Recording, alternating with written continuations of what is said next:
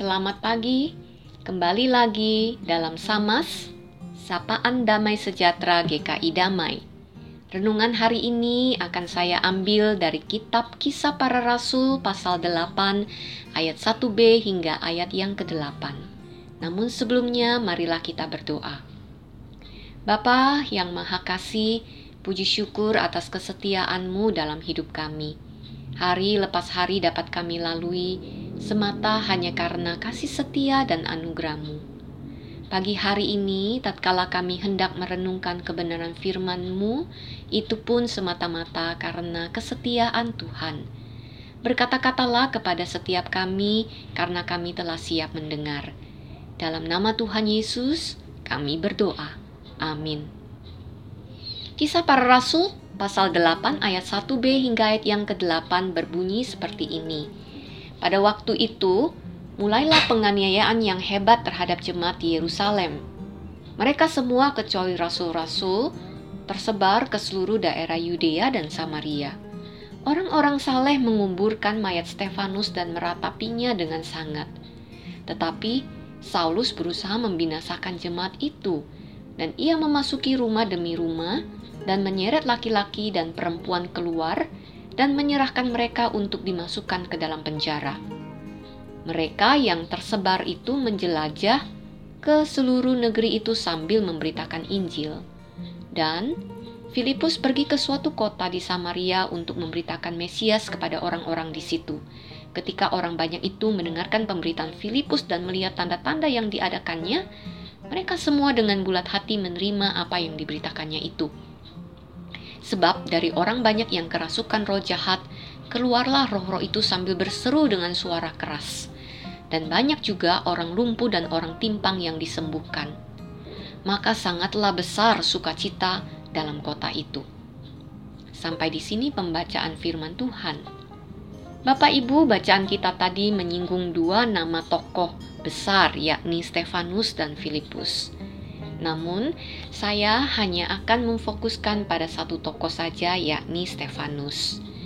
Siapa dan seperti apakah sosok Stefanus ini? Jika kita membaca pasal-pasal sebelumnya, seperti pada pasal 6, Stefanus rupanya adalah satu dari tujuh orang yang dipilih oleh jemaat mula-mula untuk diangkat dalam rangka membantu pelayanan para rasul Ketujuh orang ini ditugaskan untuk melayani orang miskin, terutama membantu membagi jatah bagi para janda, atau yang dikenal dengan sebutan pelayanan meja. Mereka yang dipilih harus memenuhi kualifikasi, yakni yang pertama terkenal baik, yang kedua penuh dengan roh dan hikmat. Bapak Ibu Stefanus satu di antara tujuh pelayan tersebut rupanya bukan saja cekatan dalam pelayanan meja, tetapi ia juga mampu menjelaskan firman Tuhan dengan penuh hikmat. Ia dikatakan sebagai pribadi yang penuh iman, penuh dengan karunia dan kuasa, sehingga dapat melakukan mujizat dan tanda di antara orang Yahudi dan Yunani saat itu. Atas kemampuannya ini, Stefanus menarik perhatian jemaat Yahudi yang disebut kelompok Libertini. Siapakah kelompok Libertini ini? Kelompok Libertini adalah kelompok orang-orang yang pernah menjadi budak di bawah kekuasaan Roma, namun mereka telah mendapatkan pembebasan. Jemaat Libertini mengundang Stefanus untuk bersoal jawab. Tetapi sayangnya mereka tidak lagi sanggup berargumentasi dengan Stefanus karena hikmat yang dimiliki oleh Stefanus dan roh yang mendorong Stefanus untuk berkata-kata. Bapak Ibu dapat melihat di dalam pasal 6 ayat yang ke-10.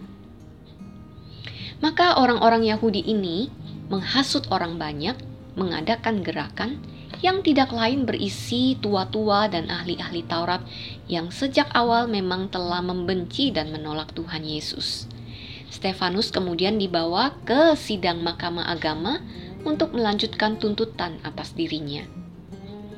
Dalam persidangan tersebut, Stefanus menjelaskan dengan panjang lebar tentang firman Allah mulai dari peristiwa Abraham.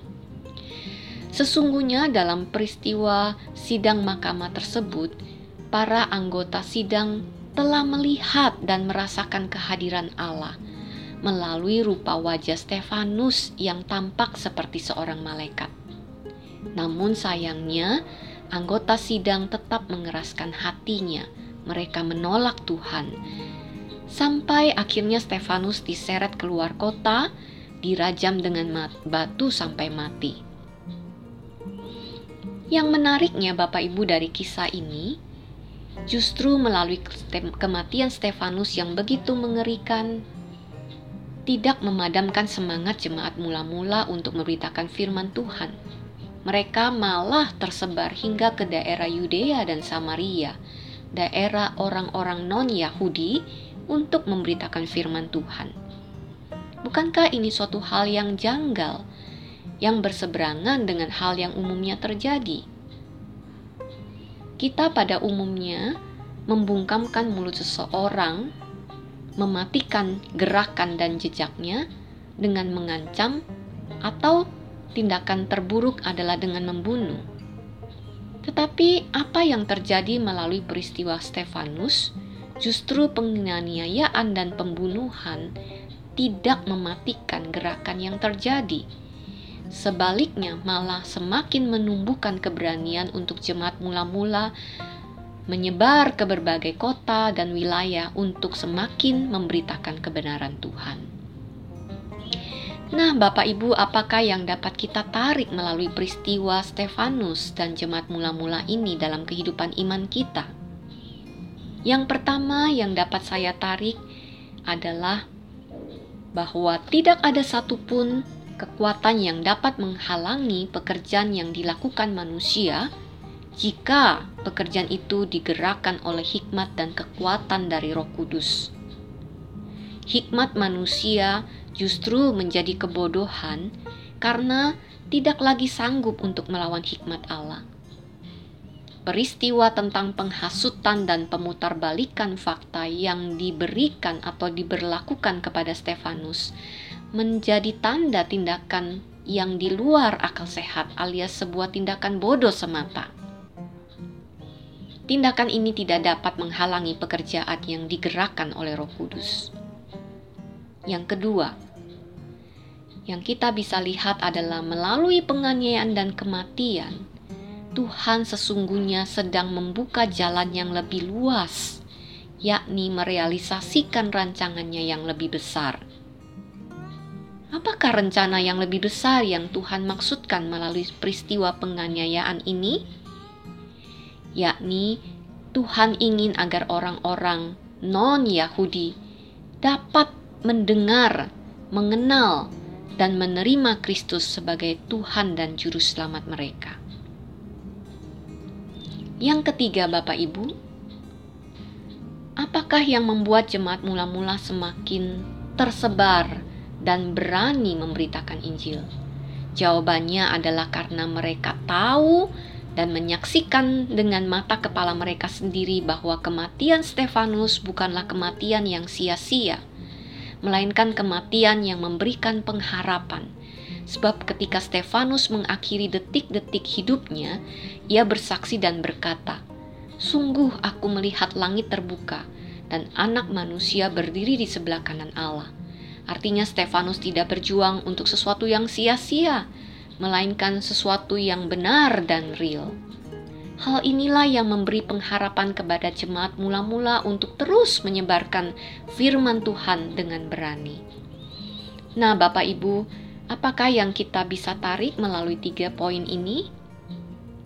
Apakah kita juga dapat mengatakan ya dan amin atas apa yang telah disaksikan dalam kematian Stefanus dan karya yang terus diteruskan oleh jemaat mula-mula? Apakah kita juga mempunyai pengharapan yang sama di tengah pertarungan iman yang kita lewati saat ini?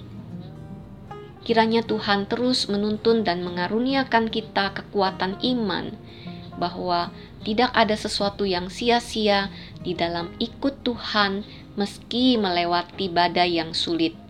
Sebab melalui kuasa rohnya kita akan diberikan kemampuan jika kita tetap setia. Kiranya renungan ini menguatkan kita semua. Amin.